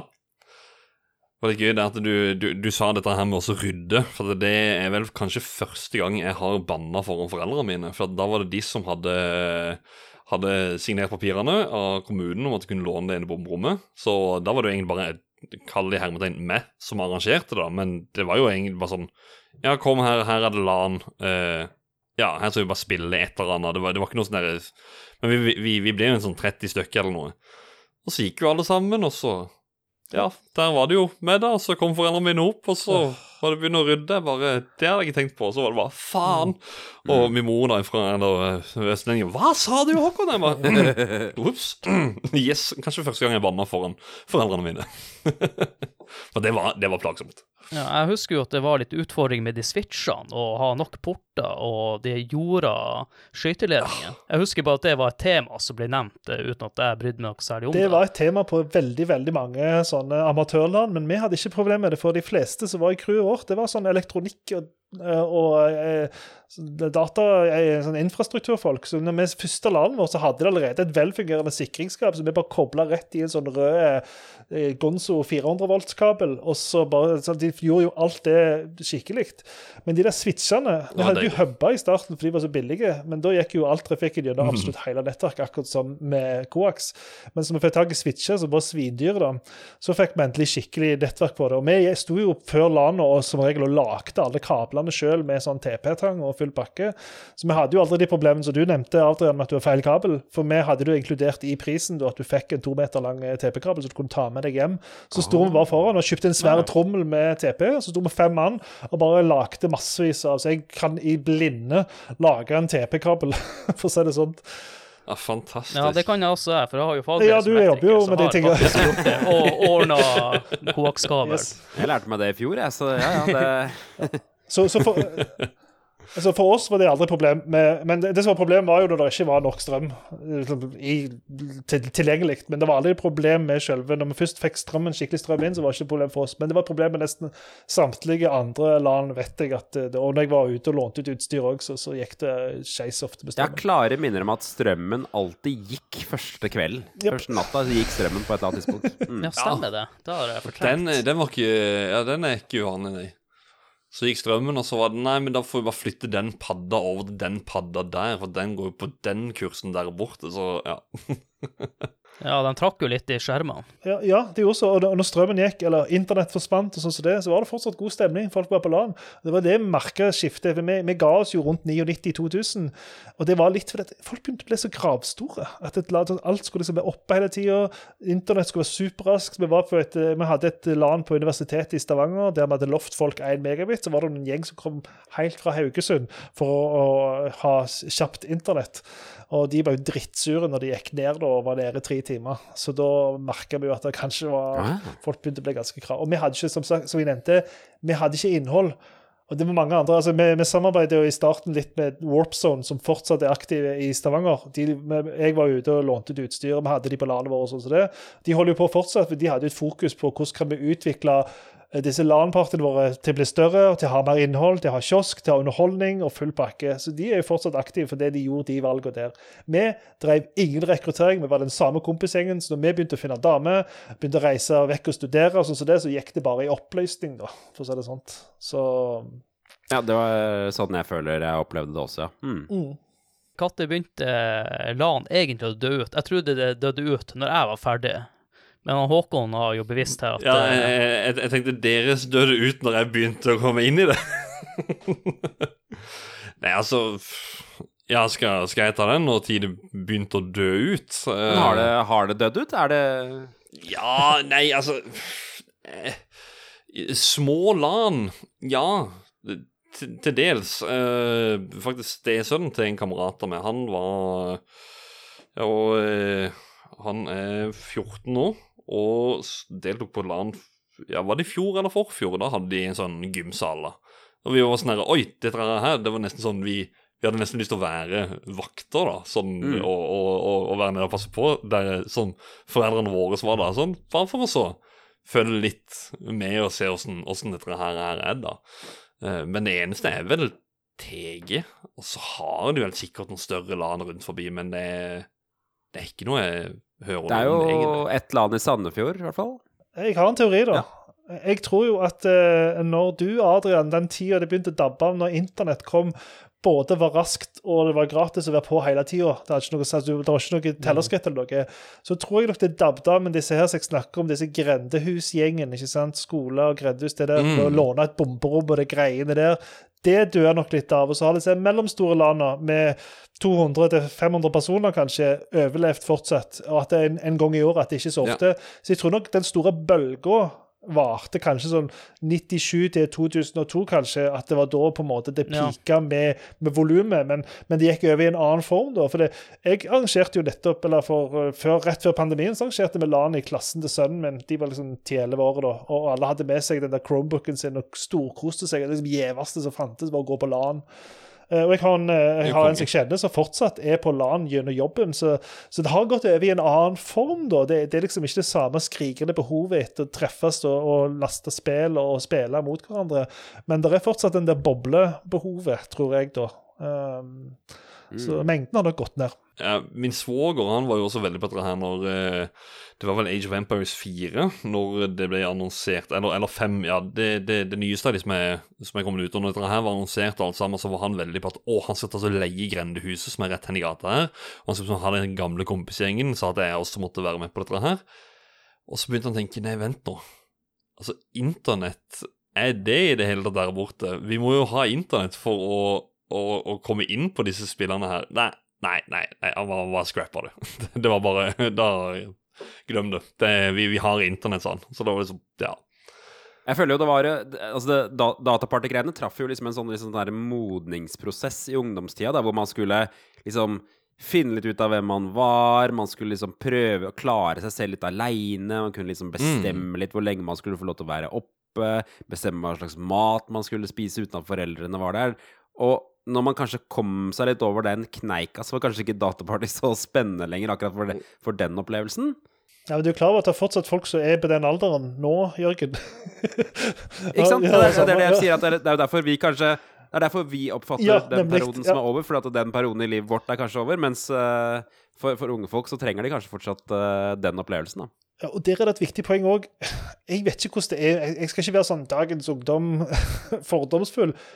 Men eh, jeg føler eh, vi, vi satte i gang og gjorde det sjøl når det ikke var noen andre som gjorde det. Eh, og når det ikke er disse her Mm. insentivene med at eh, en må være sammen for å game, må være sammen for å Når de insentivene er vekke, så er det ikke det samme driven til å sette i gang og arrangere noe. For det er krevende å arrangere LAN. Det, det er ikke bare Mm, mm. bare. Det er en ting hvis du bare er en liten kompisgjeng, men det å arrangere et LAN på 50 mann er fortsatt en krevende greie. Og når det ikke er insentivordningene på plass på en måte med, med, med, med hvorfor skal en samles, eh, annet enn å være i den bobla, så, så jeg tror jeg at det, det dabber litt av de tingene der, eh, av seg sjøl.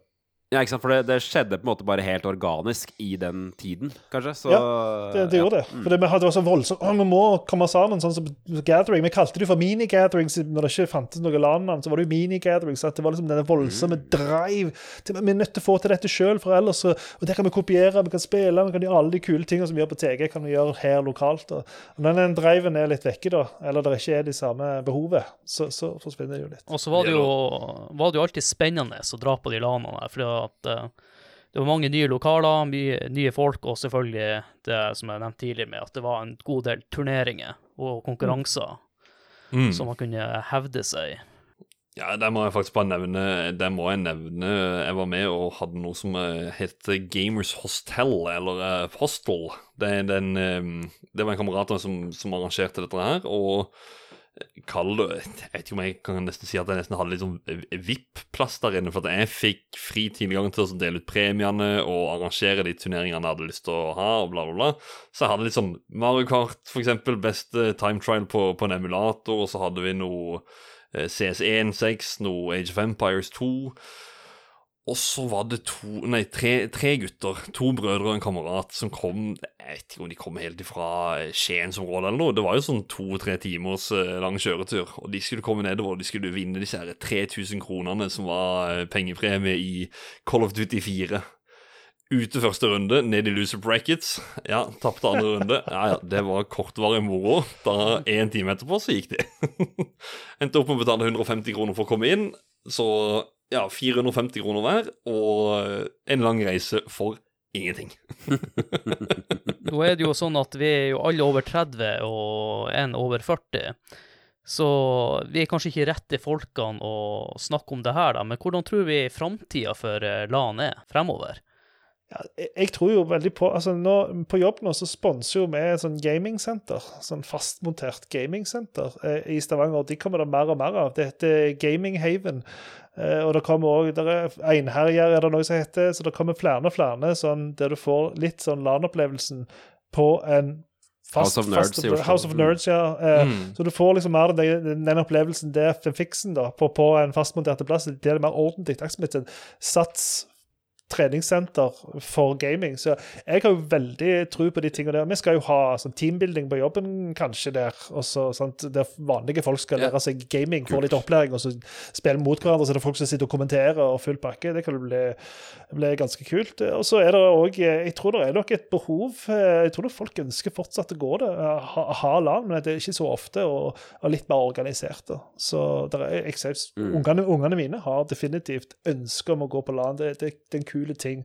Det, henger, det er gjevt for de. Mm. Så jeg har absolutt tro på det. Jeg, liksom, jeg tenker liksom litt sånn at når det er i organiserte former, så er det på en måte ikke det samme. For da blir det liksom litt tredd nedover huet på deg hva det skal være, istedenfor sånn det var for oss hvor vi Jeg følte at vi fant opp reglene for hva et land skulle være mens vi arrangerte det, hvis du skjønner.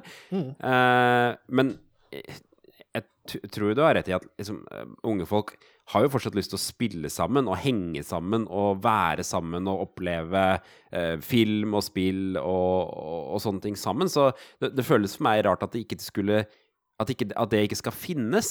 Men at det kanskje skjer på en annen måte. For når jeg ser jo sånn som sønnen min, han, kan, han, kan ta, han spiller jo stort sett på iPaden. Han kan ta med seg iPaden bort til kompisen, og så kan de sitte og spille, liksom. De har jo et lite LAN da. Men uh, bare at det Ja, for foregår det er på jo en den helt annen måte. kabelen for det. Kabelen er nok vekk, og, og, og den huben og switchen og uh, Nå er det Alt er jo trådløst, så det er jo teknologien som egentlig svarer for det òg, tenker jeg. Som teknologi, eller dagens teknologi, da. Men jeg er veldig for sånn e-sportsenter, eller sånn, sånn, sånn som du snakker om det der med Det som dere støtter, da. Uh, Det, det Det, det, jeg, det jeg frykter, er at det, det skal proffes opp for mye. For det føler jeg ødelegger det litt. Hvis det er sånn at man skal liksom trene og øve, og alt skal liksom være seriøst. For det er jo eh, liksom Magien i det er jo når man kommer ut på kvelden, og det er tøysestemning, og man finner på mye tull. Kanskje man går ut og surrer i gata en periode før man kommer inn igjen og spiller videre. Ikke sant? Det, eh, så, så- Ja, det, det, er, det er den eh, magien der som kanskje skal skje når det er sånn 14-15-16. Det er den jeg håper dukker opp på en eller annen måte for unge folk, da. Hvem som har den beste bakgrunnen. Er det Jordan Price? Er det Carmen Lectra? Er det Pamela? Hvem er det du har som bakgrunn? Ja, men altså, Jeg er helt enig. for det, der, Jeg husker vi var på The Gathering, og vi var så trøtte at vi var nesten rusa. Altså, det, og vi, var, vi, vi hadde en sånn pakke med gamle pølser som vi hadde med, av en eller annen grunn Wunderbaum med oss. Vi, vi festa Wunderbaum på pølsene, skrev 'God påske' og pælma de opp i lufta, og de havner en eller annen random plass i lokalet. På å le oss i hjel. Sånt noe får du selvfølgelig ikke når det, når det proffes for mye opp. og De opplevelsene der er det Men, men igjen eh, de, eh, disse Gamingsentrene har jo òg drop-in, så hvem som helst kan komme innom. Men den der boblegreia den får du bare på de store eventene der det er folk som har proffa det såpass opp, eventet i seg sjøl, at de gidder å ha, eh, fortsatt ha The Gathering. Uh, Warpzone er fortsatt aktive. Jeg ser dere i, i Bergen så er det noe som heter Byland, fortsatt aktive, tror jeg. Og det, er- det er flere andre. Når jeg Yes. sjekket opp, så, så er det flere andre som, som fortsatt er aktive. Men, men de, du må opp i en viss eh, kritisk masse på antall deltakere. Det blir ikke det der herjinga som jeg og deg, Jørgen, i hvert fall hadde på 90-tallet. Og det som er løye med den herjinga, er at alle hadde de samme opplevelsene. Av en eller annen grunn så utvikla det seg så likt over hele landet, selv om det var lokalt. Så vi sitter og snakker, og så snakker vi om mye de samme tingene, selv om vi satt i hver vår kant av landet. Det positive som jeg tenker med sånn som det utvikler seg nå, er at eh, når det først er et land, så blir det et stort event for barn. De gleder seg skikkelig.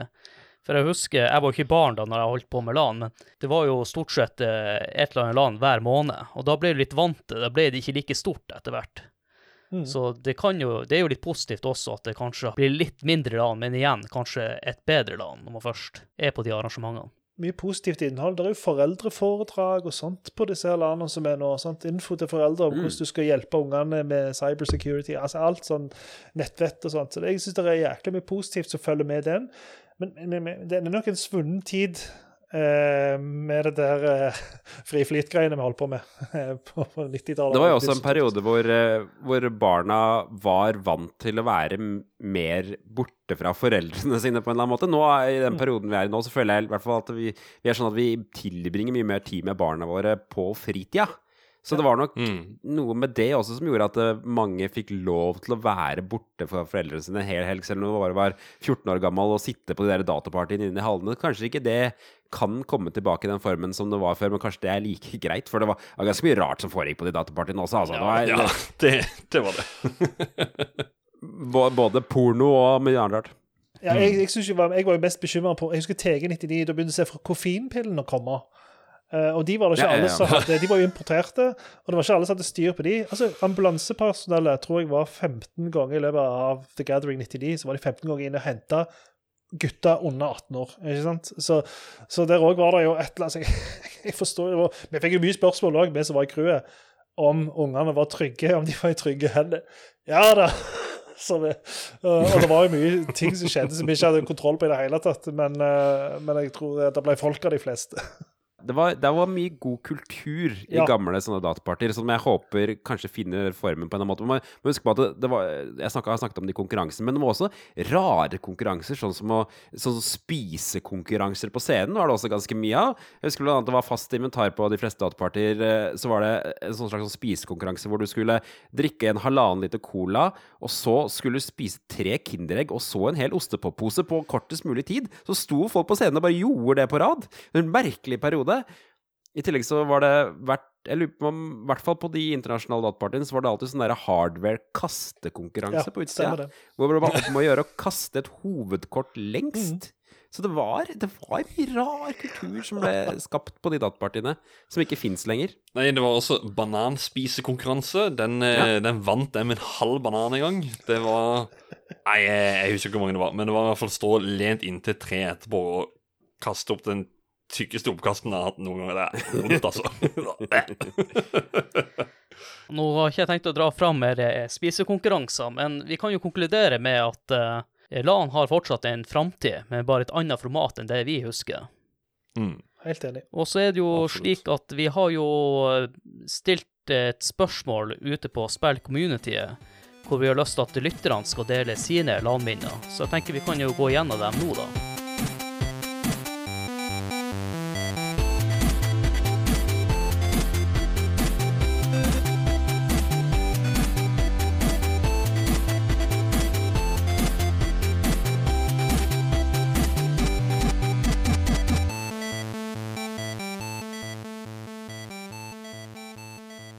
Håkon, har lyst til å begynne med første eh, lytterinnlegg? Jeg kan begynne, vet du. Vi begynner inne på Spill Community inne på Facebook. Den fine gruppa som alle må bli medlem av. Førstemann ut der, det er Ivar Goldenboy Lobben, vår kjære Ivar. Eh, han linker først da til en eh, artikkel hos Drammenstidene. Hvor det da er bilde av han og en kamerat når han var i 20-årsalderen. Hvor overskriften er 'Flykter inn i vinterferien'. Så eh, et, et lite mimrens Eller en, en, en mimrende artikkel om, om LAN. Men han skriver også da at uh, mitt beste minne er fra mitt første uh, in, uh, Inanimate-LAN i Modumhallen. Da var jeg så gira opptatt av å få med meg alt som skjedde, at jeg kun, at jeg kun fikk i meg en kvart Grandiosa på fire dager. Sovnet til slutt gående og våknet av at det, det sprakk et blodkar og neseblodet spruta. Eh, Da var det på tide å ta kvelden. Ble så vekt etter 23 timer på øyet. Vi som, vi som kjenner eh, Ivar for øvrig, er ikke forbauset over noen deler av den historien her. Hvis du snakker med han, så forteller han ofte en historie om en gang han var ute og drakk der han bor, og våknet opp i en skuff hjemme hos noen han ikke kjente hvem var. Så. Dette er et vanlig problem på LAN eh, med folk som sover for lite. Jeg vil bare anbefale, hvis det er folk som hører på som skal på The Gathering, sov siste natta, vær så snill. ja, gjør, gjør det. Gjør det. Sov hver kveld. Du får mye igjen for det. Du kan jo risikere å få porno på skjermen din uten at du sjøl er klar over det. Du kan det, du kan det. Jeg regner med at folk ikke er ferdig å dele passordene sine, som vi gjorde i gamle dager. Nei. Men nå er det tofaktor. Og så har vi nestemann ut, eh, han Trond Sinfor Borgersen, som også har vært gjest i podkasten med flere anledninger. Og han eh, gleda seg skikkelig til LAN. Pubg var akkurat kommet ut og skulle game på Spetlan hele helga. Men så kom eh, feberen og fredagskveld, og lå i, i, hjemme i senga resten av helga. Et annet LAN var med på spilte de World of Warcraft, og det her var tilbake i 2005 og 2006. Der skulle det raides, PVPs, lutes hele helga. Og internett eh, datt selvfølgelig ned, så det ble med den kvelden. Så ja, han har fremdeles til gode da, å oppleve et land som det skal eh, gjøres. Jeg var jo glad for han nevnte to, 2005 og 2006 her, fordi at jeg var litt redd. Han, eh, han Trond har jo akkurat bikka 40. Jeg tenkte det var noe ganske seint eh, å eh, starte med LAN eh, i 30-årene. Jeg, jeg forstår ikke hvorfor det, hvorfor, hvorfor det ble med en kveld når hvis internett datt. Et minimalt Hvis du skulle spille World of Warcraft Ja, ja, men da gjør du noe annet. Hvis det er World of Warcraft-land. Ja. Men da gjør du noe annet, og det er masse Ja. andre kule ting du kan gjøre på land. Jeg forstår ikke problemet. Vet du hva? Vi, vi kom til det punktet der hvor WoW var det som var populært, og det var liksom sånn Folk nølte om å spille det, CS og, og, og den slags, da. Så det Ja. Eh, jeg ser, jeg ser den. Trond er jo for øvrig en av OGs bak retromessa i Sandefjord. Han var med å starte den i sin tid. Stemmer. Ja, Så er jeg- jo, så er det neste, nestemann under der. Ja, Ja. hvis du vil det. Ja, all right. Dette her er fra Magnus Eide Sandstad, som driver eh, Brilleland på et eller annet kjøpesenter i Drammen, gjør det ikke det? Det stemmer. Jo. Jeg hadde faktisk en samtale med han rett før sending her om eh, For jeg prøvde å beskrive mine dårlige opplevelser med å dra på sånne optikere. Og den der, der når, du må, når du må sitte med den der greiene over øynene og fortelle om du ser best A eller B. Er det A eller B? Ja. Klarer du å lese det siste linje? Ser det ut som O, eller ser det ut som A, eller ser det ut som N eller H? Ja, uansett, da. Det er ikke det han skriver. Sånn var nettverk når jeg var på mitt første LAN, og han har lagt med et bilde da av et nettverkskort med en uh, sånn, um, det ikke det? Koaxkabel, ja. Jo, med en uh, terminator på den ene enden og koakskabel i den andre enden, da. Eh, han skriver Var så drit når man måtte avtale tidspunkt det var greit å kopiere filer, for ikke å fucke latency for de som ville spille. Ja, amen. Det du snakka om tidligere, Martin. Amen. Jeg kjenner det sånn igjen. Det, det, det var jo Det skal jo si Jeg har, jeg har fulgt litt med på denne der spalten her, og, og når du sa det tidligere i episoden, jeg bare Det er akkurat som å høre Magnus. Det er helt riktig. Jeg Det var, bare.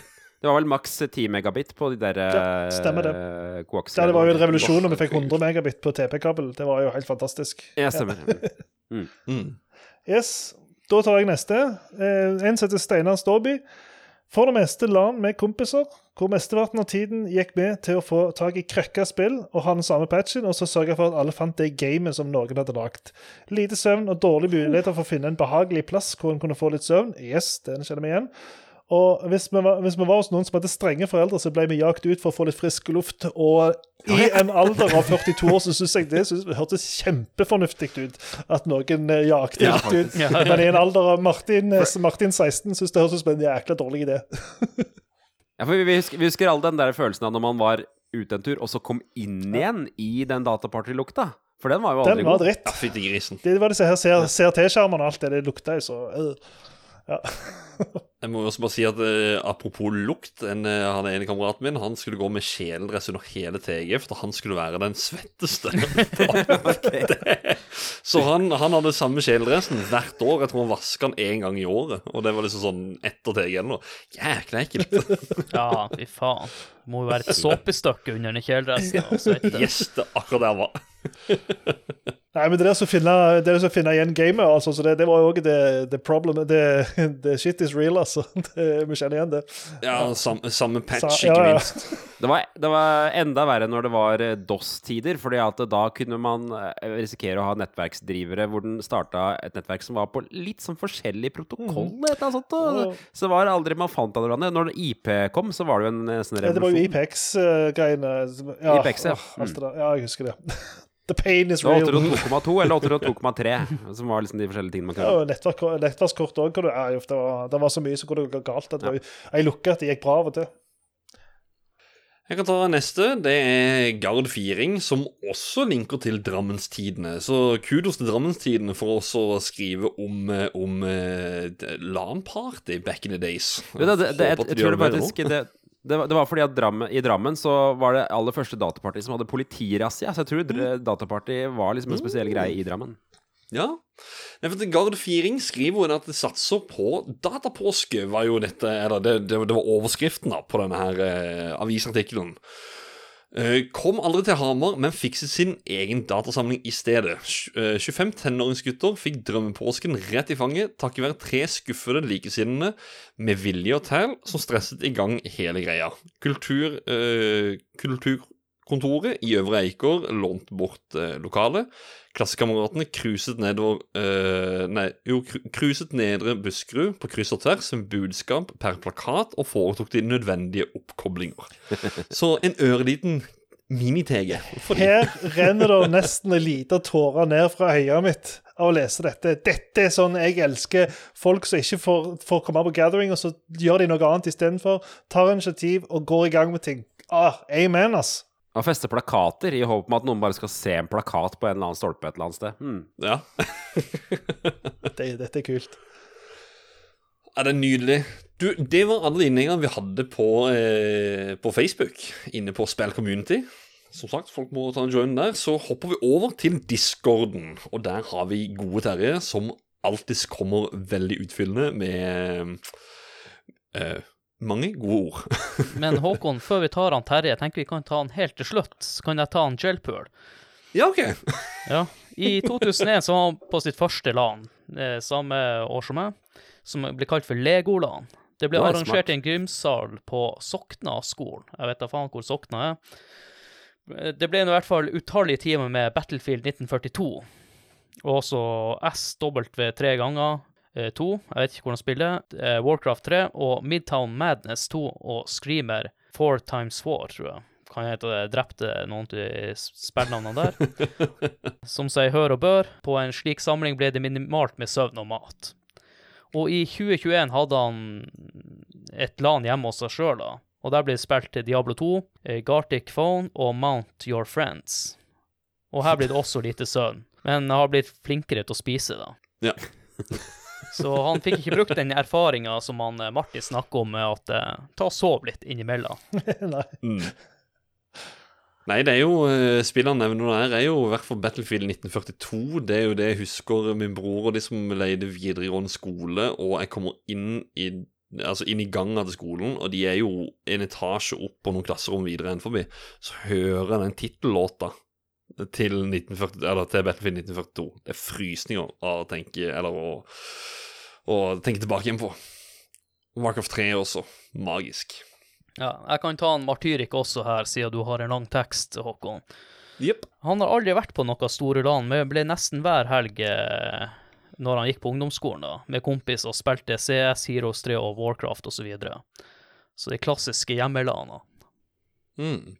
Mm. Jeg må jo nevne at uh, Battlefield 1942 er da utviklet av tidligere sånne dataparty-demoscenefolk som holdt Mm. på på 80-tallet, så der er det litt full circle uh, sånn i forhold til det, da. Ja, Dice, som vi også lagde en episode om eh, for ca. et år siden. Ja, stemmer. Da, Håkon, da kan du ta en Terje. Og da er det sistemann ut, og det er jo Terje. Så her tror jeg rett og slett vi slår på noe musikk.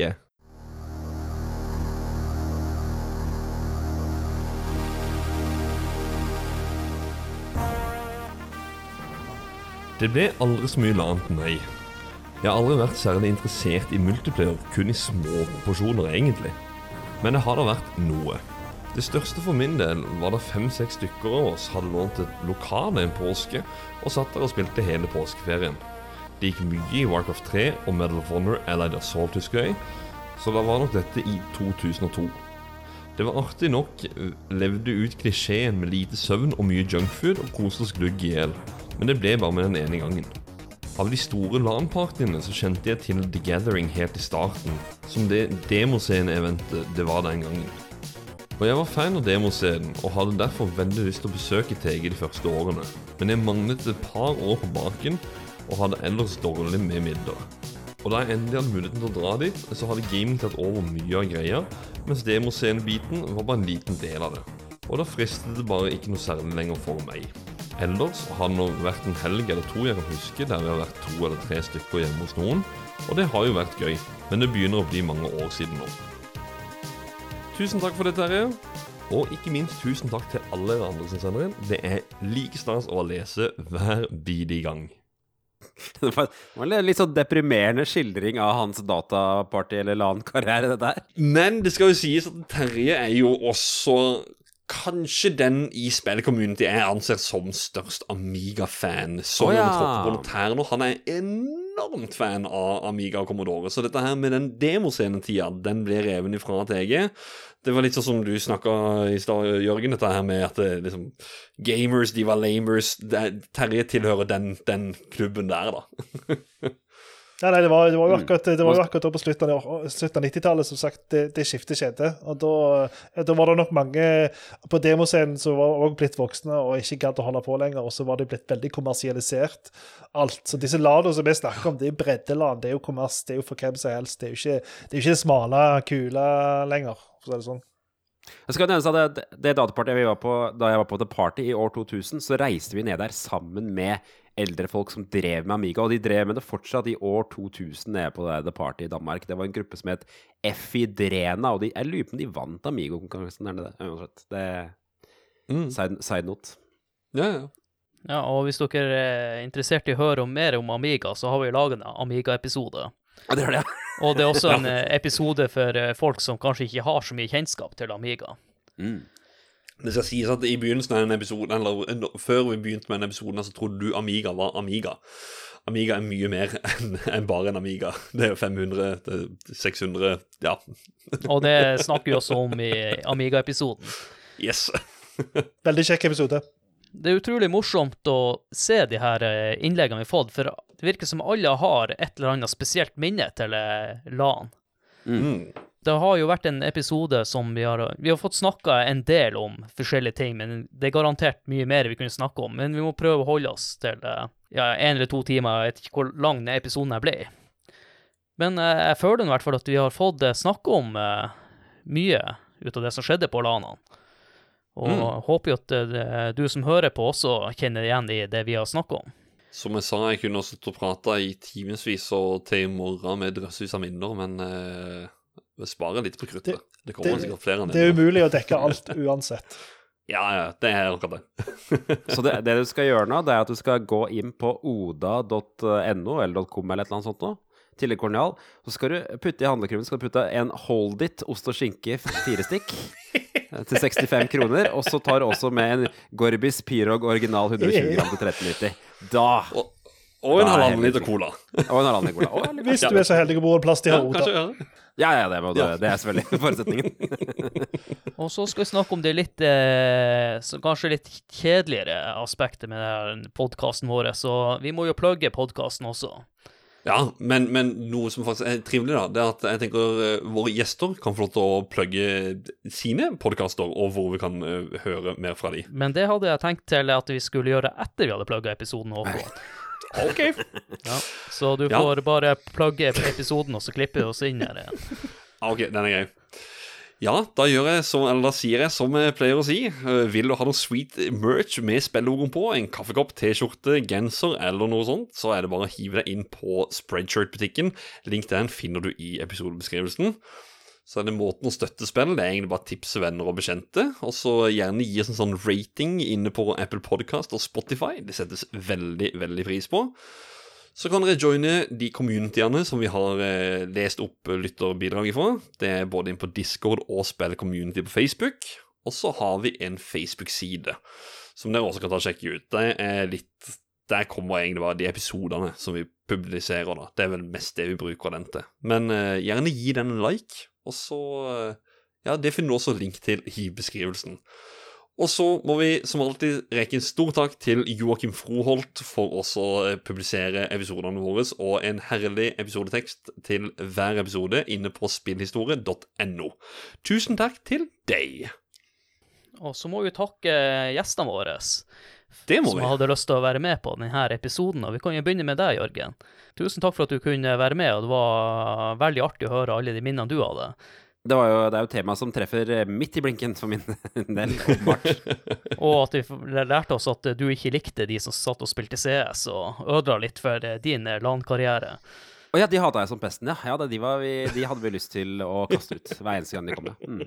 Og så vil jeg oppfordre dere som eh, hører på denne episoden, om å sjekke ut Tilbake til fremtiden, som er en podkast dere starta nå rett før jul. Stemmer. Mm. Det er, eh, vi, er, vi skal spille inn episode ti neste uke. Så Tilbake til fremtiden er en podkast fra folka bak Retromessa, hvor vi tar for oss retronyhetene fra uka som har gått. Og så reiser vi også 20 år tilbake i tid og ser på hva som skjedde i nyhetene for 20 år siden. Og det er ganske rart, altså, for det er en tid før Facebook, før uh, iPhone og liksom før Og sosiale medier. Og før TP-kabel, kanskje. TP-kabel hadde kommet litt. Og der, og der var jo jeg gjest nå, eh, var det episode åtte, tror jeg? Du har vært gjest, ja. Det var, det var vel episode åtte? Ja, ja. Mm. Det var veldig koselig. Veldig, veldig gøy å være med på. Det er god stemning. Hvis ikke, så må du, må også sjekke ut podkasten min. Hvis du er i utviklingsbransjen, eh, programmeringsbransjen, av en eller annen rar grunn, så sjekk ut Kode24-timen. eh, Den spiller Ja, for det jeg skammer meg at jeg ikke nevnte den i starten, på introduksjonsbiten. er, men sjekk ut den også, ja. Gjør det. Og så må du ikke eh, glemme retromessa, som du også nevnte, Jørgen. Vi oppfordrer jo folk å delta på den. Ja, jeg håper, Nå har vi ikke fått arrangert den på et par år. Jeg håper jo vi skal få arrangert eh, hvert fall enten i eh, juli eller august eller juni, muligens. Vi skal i hvert fall få gjort et eller annet eh, ordentlig i år, håper jeg. Nå tror jeg folk er litt klare for å dra på messe igjen. Det har vært litt sånn koronaproblemer de siste åra. Vi har heldigvis ikke gått konk. Vi har fått hjelp på Patrion, så vi skal få arrangert, altså. Ja, nydelig. Jeg anbefaler alle å dra dit, og jeg og Håkon blir også å delta på retromessa. Yes. Det er ordentlig highlight. Det, sist vi arrangerte, så kom det folk helt fra Mexico for å Stemmer. delta på messa. Riktig. Og så vil jeg jo rette en stor takk til han eh, Martin, som også var med på dagens episode. Yes, veldig kjekt å være med. Jeg uh, har jo en podkast som heter Flisespikkeriet, som ikke er en gaming slash eh, nerdepodkast. Vi er bare to som jobber med brukeropplevelser, som sitter og snakker om små dritting som ødelegger det som kunne vært fantastiske brukeropplevelser. Enten det er digitalt eller ute i den virkelige verden. Så det er masse småpjatt. Mm. hvis du er en grinebiter, en flisespikker eller et eller annet sånt så liker du helt sikkert å, å høre på, på oss gnåle om det. Jeg tror den er midt i blinken for meg. Jeg hadde ikke hørt om den før. Så Ja. Nei, jeg har hørt på, en episode, jeg har hørt på noen episoder sjøl. Jeg gir en tommel opp. Det Ja, gjør takk for det. Og så må dere huske å gå inn på Spotify og på uh, Apple Podcast og gi det en uh, vote. Gi det stjerne. Ja, stjerne. Martin, du har, hadde jo noen visdomsord du har lyst til å dele med oss med tanke på dagens tema. Det har jeg. Og det dreier seg om det å være den som arrangerer noe. Det å være den som tar initiativ. Eh, Det gjorde jo vi, og det gjør jo mange andre. Eh, Og det dreier seg om å starte noe, tåre å gjennomføre det. Vi som arrangerte LAN hos oss, og alle de andre som arrangerte LAN i hele Norge, det var veldig hardt, det var et slet, det var mye banning underveis.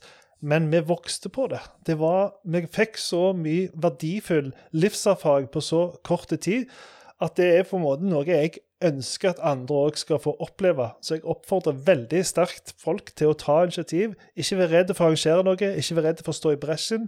Eh, du Håkon opplevde jo f.eks. det med at du måtte være med og rydde etter et land nesten alene. Mhm. Du lærer så mye av sånne ting som det.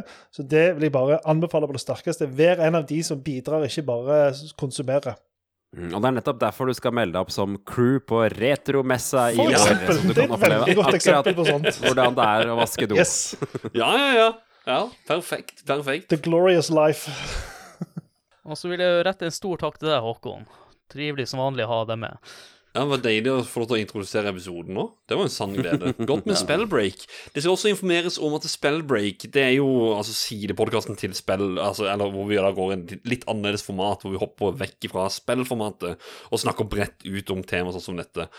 I fjor så var vi litt dårligere på å gi ut spellbreak. Vi skal være bedre i år, så frykt ikke. Det kommer mye mer spellbreak der du bor. Ba-dum-bam-ba. Ja. og da gjenstår det egentlig bare å si takk for meg.